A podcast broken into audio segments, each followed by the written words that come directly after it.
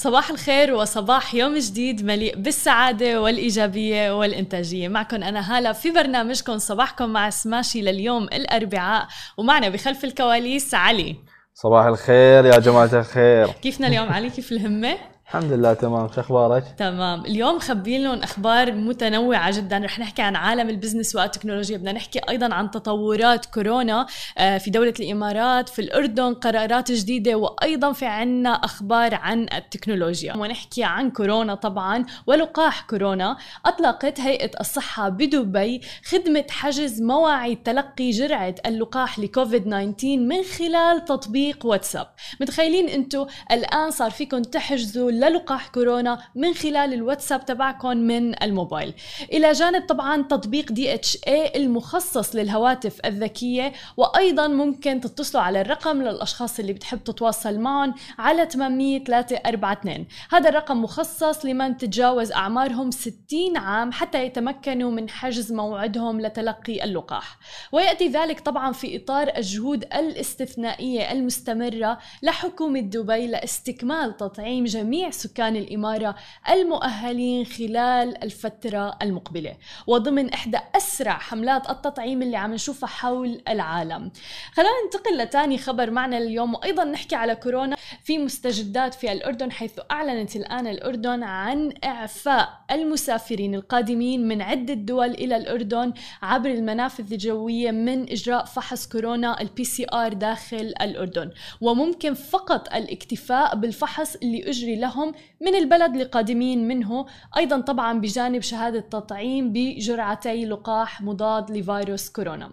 والتسجيل طبعا في منصة Visit Jordan والدول هي السعودية عمان البحرين الكويت قطر الإمارات تونس أيضا من ضمنها المغرب الولايات المتحدة ودول الاتحاد الأوروبي بالإضافة إلى ذلك عندنا تركيا الصين كوريا الجنوبية تايوان اليابان أستراليا نيوزيلندا ماليزيا والاتحاد الروسي وكندا. كل هذه الدول ممكن من خلالها انكم تدخلوا الأردن من دون فحص ال PCR آه والاكتفاء فقط بفحص ال PCR اللي رح تعملوه من الدول اللي أنتم قادمين منها. وأيضا بالإضافة إلى ذلك عم بتخفف القيود الأردن حيث أعلنت الحكومة الأردنية عن إعادة فتح دور السينما أيضا الأمور الترفيهية النوادي الرياضية والمسابح والمراكز الثقافية والتعليمية ولكن طبعا اشترطت على الناس تلقي اللقاح من أجل دخولها علي أنت رايح على الأردن سابقا زايرة؟ اي يوم كنت صغير عن جد؟ إيه، رحت مع الأهل آه، آه، بس ما أتذكر يعني رحنا إحنا قد كان عمرك بتتذكر؟ أو بتتذكر شيء من الرحله؟ خمسة خمسة سنين آه أوكي كثير صغير كثير كثير صغير أنا رحت على الأردن مرة سحرتني بصراحة بجمالها ببساطتها بالأكل تبعها حتى. ورجعت بعد شهرين يمكن أو أقل حتى رجعت زرتها مرة ثانية فهلا حلو نشوف إنه أيضا الأردن عم تخفف القيود صار أسهل الواحد إنه يروح عليها. وكانوا كثير يعني آه، الإجراءات الاحترازية والوقائية جدا جدا جدا يعني قوية بالاردن بالفترة الأخيرة. آه، كان في حجر منزلي وإلى آخره ولكن الآن خففوا القيود. فالناس اللي حابة تسافر فيها تتجه إلى الأردن يعني الآن مع تخفيف القيود. نحكي عن شركة هواوي اللي عم تستعد لإطلاق إصدارها الثاني من نظام التشغيل الداخلي المعروف باسم هارموني آه، طبعا كله هذا رح يكون اليوم الأربعاء حيث يعمل على هواتف والأجهزة اللوحية أيضا الساعات الذكية. وهذا النظام رح يجعل هواوي تودع أنظمة أندرويد إلى الأبد. ومن المقرر أيضا أن تعلن عنه خلال المؤتمر اللي رح تعقده اليوم بحدث Harmony OS وفي ذات السياق رح تعلن الشركة أيضا عن عدد من الأجهزة الذكية منها الجهاز اللوحي مثل ما ذكرنا وساعه هواوي أيضا وسلسلة هواوي P 50 كل هذه الأمور رح يتم الإعلان عنها اليوم بالحدث الأساسي لهواوي ورح تتخلى تماما عن اندرويد سؤالي لكم وأيضا سؤالي يمكن لعلي آه إنه هواوي ما في داعي أصلا تعابير وجهه لعلي كافيه هواوي وتخلت عن الأندرويد. شو رأيك؟ يعني خلص صار عندها نظام آه، تشغيل مستقل خاص بهواوي بعيدا عن الأندرويد. والله هواوي شغالين. شغالين يعني حتى يوم آه، أجوا بهالمنطقة أجوا بطريقه يعني بقوة و marketing عندهم شيء خيالي. صح. فإن ما يستعملون software اندرويد شيء رهيب. تماما. إن يختلفون عن مثلا آه، الهواتف ها- سامسونج وهذيلا كلهم.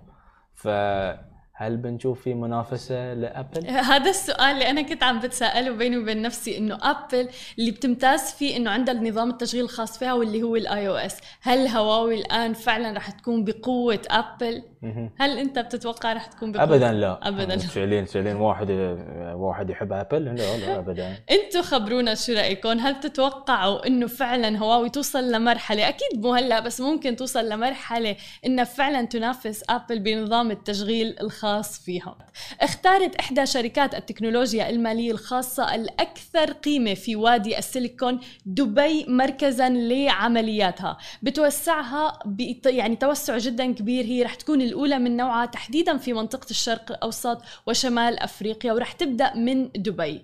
رح يأتي إعلان عملاق المدفوعات الرقمية سترايب بفتح مكتب خاص له في الإمارات وتحديدا في دبي بعد أسابيع فقط من جولة التمويل الأخيرة اللي حصل عليها ورفعت من قيمة الشركة إلى 95 مليار دولار. مما جعلها واحدة من أكثر شركات التكنولوجيا المالية الخاصة آه، قيمة في حتى العالم. والآن رسميا شركة سترايب رح تبدأ في العمل في دبي ومثل ما ذكرنا هذا الشيء رح يساعد الشركات الناشئة بشكل كبير جدا وتحديدا المتخصصة في التجارة الإلكترونية. ستر- سترايب هي عبارة مثل عن gateway فلكل الشركات الناشئة وحتى كل الشركات في دولة الإمارات المتخصصة في التجارة الإلكترونية ممكن استخدام سترايب كوسيلة للدفع الآمن أو بوابة للدفع الآمن. علي بتحب المعكرونة؟ إيه سباجيتي وهيك. امم اي آه ما أحب إيه؟ المعكرونة إيه. يعني هذا الخبر لعشاق المعكرونة. وتحديدا اللي بحبوا يأكلوها بشكل مستمر خلينا نقول الآن العلامة الشهيرة للمعكرونة باريلا عندهم حساب على منصة سبوتيفاي وفي مجموعة أغاني مدتها نفس مدة طبخ المعكرونة تماما يعني ما عاد في أي داعي لإستخدام timer أو ضبط الوقت وغيرها ولكن أنا برأيي هي خطة تسويق ممتازة منهم. شو رأيك علي؟ والله وايد حلو. صح؟ آه. خطة جدا ذكية. مين بيتخيل إنه brand له علاقة بالسباجيتي أو المعكرونة آه، يعمل playlist على سبوتيفاي وتكون نفس مدة طبخ المعكرونة تماما؟ يمكن هاي marketing بعد marketing strategy تماماً. من عند, من عند آه، باريلا أول مرة أشوف.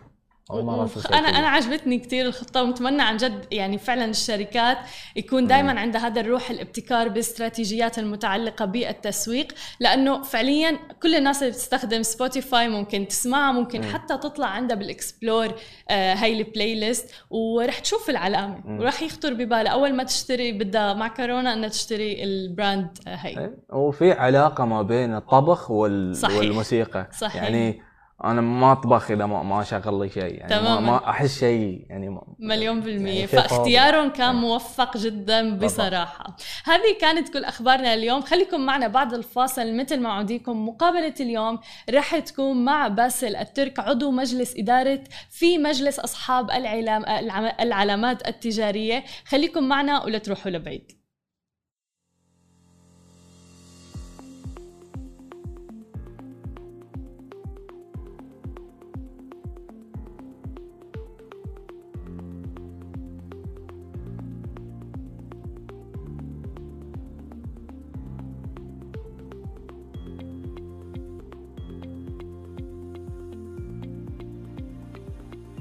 ورجعنا لكم من جديد ومعنا ضيفنا اليوم باسل الترك عضو مجلس إدارة في مجلس أصحاب العلامات التجارية BPG أهلا وسهلا فيك معنا اليوم.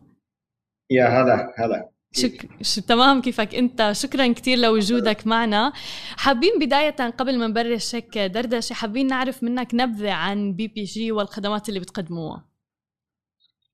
BPG مجلس أصحاب العلامات التجارية آه، أول شيء الاحرف BPG بالإنجليزي من Brand Protection Group هذه الترجمة الإنجليزية لمجلس اصحاب العلامات التجارية. هي ابتدت سنة 2005 كمجموعة غير ربحية منظمة غير ربحية وغير حكومية. تعنى ب بشكل أو بآخر حماية الملكية الفكرية والعلامات التجارية للشركات الأعضاء فيها. في سنة 2005 خاصة من بعد مرور آه، فترة زمنية بالنمو الاقتصادي والتجاري في دولة الإمارات العربية المتحدة وجدوا كثير من الشركات اللي كانوا عم بيتسابقوا الشركات العالمية اللي عم بيتسابقوا ليدخلوا هذا السوق اللي كان فيه نمو آه، خيالي بوقته وما زال مستمر هذا النمو حتى حتى اليوم. وجدوا إنه هناك حاجة لحتى يجتمعوا يوحدوا القوى بيناتهم لحتى يقدروا يساهموا بنمو حماية العلامات التجارية. فاختاروا آه، آه، يعني المؤسسين كانوا من أصحاب علامات تجارية شهيرة مثل نسلي وغيرها من العلامات التجارية بالإضافة إلى مكاتب آه، محاماة تعنى بحماية الملكية الفكرية. وكان هناك تنوع رائع في سنه 2005 بين المؤسسين لهذه الجمعية وهذا التنوع تمثل بشركات محاماة عالمية تعنى بحماية الملكية الفكرية وشركات محلية يعني حتى يعني كان في راوز وكلايد وكان في تميمي كمان من الأعضاء يلي كان حتى هن حققوا الأرض الجامعة لموكلينهم لحتى ينضموا لهذه الجمعية. ومن ثم حطوا الأطر الأساسية والأهداف الأساسية من هذه الجمعية والتي تمثلت بخلق توعية لدى المستهلكين بشكل عام لأنه نحن بنعرف مجتمعنا العربي كان يعني لفترة طويلة من الزمن يلي بيشتري جزدان أو ساعة مقلدة اسباب أول كانوا يسموها. تماما. وفي أقل من ربع السعر من الساعة الأصلية إنه هذه شطارة. صحيح مليون بالمية. كان جزء كبير هو حملة توعية لنسلخ فكرة الشطارة ونضعها في مكانها الحقيقي اللي هو مخالفة القوانين مخالفة المبادئ مخالفة الآداب العامة وحماية حقوق الغير.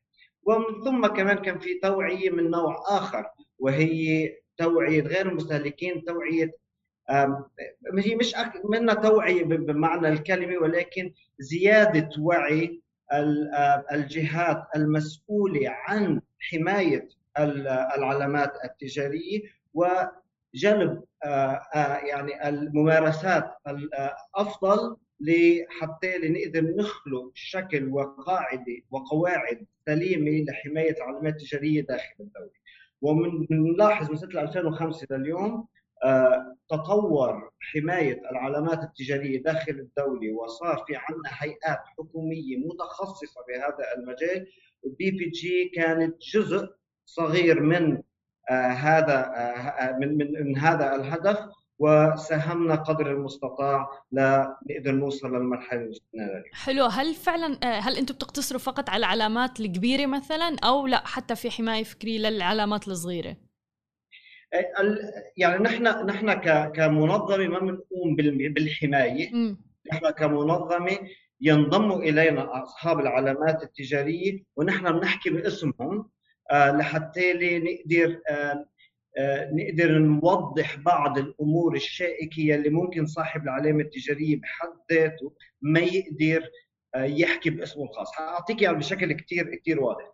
مثل مثل ال lobbying groups يعني اليوم نحن إذا اعتبرنا بأنه هناك مؤسسة حكومية معينة يجب أن تقوم بإجراء معين وهي هي ما عم بتقوم بهذا الإجراء يمكن لأنه المعلومة القانونية واصلة غلط. إذا باسل الترك هو ال brand باسل الترك راح عند هالمؤسسة الحكومية وحاول بإنه يحكي باسمه الشخصي. وقع هذه هذا هذا الحوار يختلف عن منظمة تضم 32 brand عالمية راح تحكي وتفسر وجهة نظرها القانونية كيف هذا الإجراء لازم يتم. اولا بإنعكاس هذا الحوار على ال brand بحد ذاته هناك خطورة بأنه يعتبر هذا ال brand وكأنه هو عم بيتحداه وما عم بيتحداه عم يحاول يستوضح. وبنفس الوقت ال lobbying له وقع أكبر ليه؟ لأنه هو مجموعة من الخبرات يلي تحتاجها أي دولة في العالم. يعني بالنهاية نحن لما يكون في عندنا شركة مثل Nestlé أو مثل بي, بي إن جي أو مثل اي أو مثل يونيليفر اللي هن الشركات اللي حضرتك قلتي عنهم شركات كبرى هون موجودين في عدة دول من العالم وهن بيساهموا بأنه يكتسبوا خبرات من عدة دول من العالم وبيشاركوا هذه الخبرات على الدول الثانية. فهيدي مهمة لحتى نقدر نعرف شو صار بأمريكا نستعمل هذا الاكزامبل نعمله في بريطانيا. حلو. شو صار ببريطانيا؟ بستخدمه في فرنسا. فرنسا بستخدمه في الإمارات. هذه الدول التجارية الكبرى بما فيهم دولة الإمارات أنه مركز تجاري عالمي مهم أنه نشارك هذه المعلومات. هون أهمية الشركات الكبرى. ولكن لا تقتصر الحماية الملكية الفكرية على الشركات الكبرى. كل صاحب حق عليه أن يحمي حقه. فتستفيد الشركات الصغرى من الانضمام تماما مجلس أصحاب العلامات التجارية تستفيد من الانضمام وليه؟ لأنه تستفيد من خبرات كمان الشركات الكبرى يلي يلي عم تمارس حماية حقوقها خارج الدولة بمشاركة هذه المعلومات، مشان هيك نحن عملنا خانة خاصة للاشتراك لا مش أصحاب العلامات التجارية ولكن أصحاب الوكالات التجارية داخل الدولة كمان، يعني الوكالات التجارية الإماراتية داخل الدولة بحق لهم أن ينضموا إلى هذه الجمعية بصفتهم وكالات ليستفيدوا من هذه الخبرات وكمان ممكن ينصحوا آه، موكلينهم بكيفية حماية علاماتهم التجارية داخل حلو. طيب ممكن تشرح لنا نرجع هيك خطوات لورا وتشرح لنا الملكية الفكرية ما مدى أهميتها للعلامات التجارية؟ أوكي أكيد. الملكية الفكرية بشكل عام هي أهم شيء أن ننظر إليها من زاوية الملكية. يعني دائما في عقل الإنسان يربط الملكية بشيء ملموس. صحيح. بينما بالحقيقة الأمر الملكية الفكرية تمثل أكثر اليوم أكثر من 75% من ملكية الشركات، يعني حضرتك اليوم كنت عم تحكي عن Huawei، Huawei قد يكون 75% من ال assets تبعولها من أصول الشركة هي غير ملموسة. صحيح. وطرحها ل software جديد آه، وانتشار هذا هذا ال software أكيد كمان بيؤدي لزيادة هذا الموضوع. فأهم شيء ننظر للملكيه الفكرية بأنه مال غير ملموس. ولو نحن بنشوف brand يعني بنشوف brand آه، آه، Nestlé أو أروى أو أو هواوي على المنتج نفسه هذا لا يعني بأنه العلامة التجارية هي ملموسه هذه هذه representation هذا تصوير لهذه العلامة التجارية لتخاطب المستهلك. ولكن القيمة الحقيقية للعلامة التجارية هي خلف هذه العلامة وهي قيمة غير ملموسة بحد ذاتها. فهذه النظرة للعلامات التجارية من نظرة أن ملكية فكرية هذه كثير مهمة لأنه تمثل حقيقة القيمة التي تقع وراء هذه العلامة التجارية. ومن ثم بنقول okay لكن من يتعدى على اسم Apple أو علامة Apple يتعدى على مليارات الدولارات. صحيح. وهو يسرق قيمة بقيمة تفيض عن مليارات الدولارات. فهيدي هيدي الصورة الأساسية. هون بغض النظر عن التعدي على حقوق الغير هناك حق عام. يعني هون في عملية سرقة تقع ومشان هيك قانون العلامات التجارية في الإمارات بالمادة 37 من من القانون يجرم التعدي على الملكية الفكرية وهو جريمة جزائية. وبالتالي أنا ممكن أني أشتكي أمام النيابة العامة ويتم توقيف من يتعدى على العلامة التجارية. وهذا الجزء كثير مهم صحيح. من عملية الوعي اللي بنحاول أنه نوضحه بأنه أنت لما عم تشتري هذه هذا المنتج أنت تشترك في جرم هلا قد يكون القانون لا يجرم من يشتري بل يجرم ما يبيع ولا يمكن الأخذ قياسا بأنه لا ومن يشتري كمان ممكن نحبسه. ما عم نقول هذا الموضوع ولكن فعلا ومن حيث المنطق اذا اللي عم ببيع يرتكب جرم مجرد عملية البيع بغض النظر إذا ضلل المستهلك أم لم يضلل فقال أنه مقلد أو لم يقل أنه مقلد. يقع هذا الجرم فمن يشتري أدبيا يشجع صحيح صحيح. ادبيا هو الشريك. وهذا الشيء موجود بعدة دول حول العالم. يعني من كم يوم كنت عم بقرأ حتى بدولة الإمارات إنه قامت الشرطة بإلقاء القبض على تقريبا 120 ألف قطعة آه، مقلدة آه، قيمتها 30 مليون درهم مثلا. فشو رأيك بهذا الموضوع؟ كيف بيضر العلامات التجارية وكيف بيضر الاقتصاد أيضا؟ التعدي على العلامات التجارية بضر بضر بالاقتصاد الوطني من عدة نواحي. اولا عندما يكون في الدولة لو موجود القوانين ولكن قوانين غير مطبقة لحماية العلامات التجارية المستثمر الأجنبي أو صاحب العلامات التجارية الكبرى اللي موجودة خارج الدولة آه، بيفقد بشكل أو بآخر ثقة في بعض الجوانب على حماية استثماراته في الدولة. لأنه مثل ما قلنا قد يكون 75 ل 90% من أصول هذه الشركة هي أصول فكرية وغير ملموسة. Intellectual assets. لما يجي أنا أقول أنا 70% من my assets are intellectual ولا يمكن حمايتها بشكل فعال داخل دولة معينة أكيد نظرتي باستثماري إلى داخل هذه الدولة تخف. ليه؟ لأنه المخاطر أكبر. صحيح. ف... فبتخف الاستثمارات الأجنبية يعني بخف جلب الأموال من خارج الدولة إلى داخل الدولة يعني بصير الميزان الاقتصادي آه، بيصير في خلل بهذا الميزان هذا أول أول. ثاني نقطة اللي هو الدخل العادي يعني الدخل الطبيعي يلي بينتج عن عن العملية التجارية بشكل عام. آه، لما واحد بيجيب بضائع داخل الدولة بيدفع عليها جمارك. بيدفع عليها ضرائب بيدفع عليها رسوم جمركية. بيوصف هذه البضائع ويقيمها ويدفع على أساسها رسوم يا أما لإعادة التصدير أو لإدخالها إلى الدولة 5% 6% يلي هي بتكون يلي بيجيب البضاعة المقلدة من يكذب بطبيعة البضاعة إن كانت أصلية ولا لأ حيكذب أكيد بعملية إدخال. وال manifest اللي بيدخلها وبال packing list لحتى ما يدفع الرسم الأعلى. طبعا. لأنه هو بهمه هامش الربح الأكبر بكثير من صاحب العلامة الاصليه وبالتالي الدولة تخسر بطريقتين تخسر بشكل الاقتصاد الوطني بشكل عام بالميزان التجاري وهذا التاثير غير المباشر للتقليد. أما التأثير المباشر للتقليد راح يكون آه، أما التقدير المباشر للتقليد راح يكون أكيد بخسارة هذه الرسوم يلي ما بتكون محسوبة بشكل مضبوط وفي أكثرية الأحيان بتكون بضائع مهربة إلى داخل. تماما.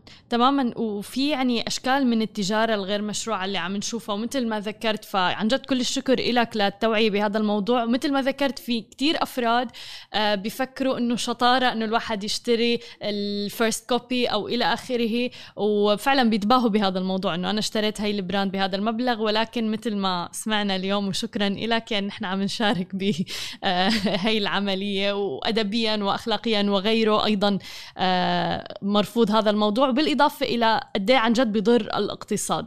فكل الشكر لك يا رب. آه، باسل الترك عضو مجلس إدارة في BPG. شكرا لك وأنا بشوفكم بنفس الموعد بكرة.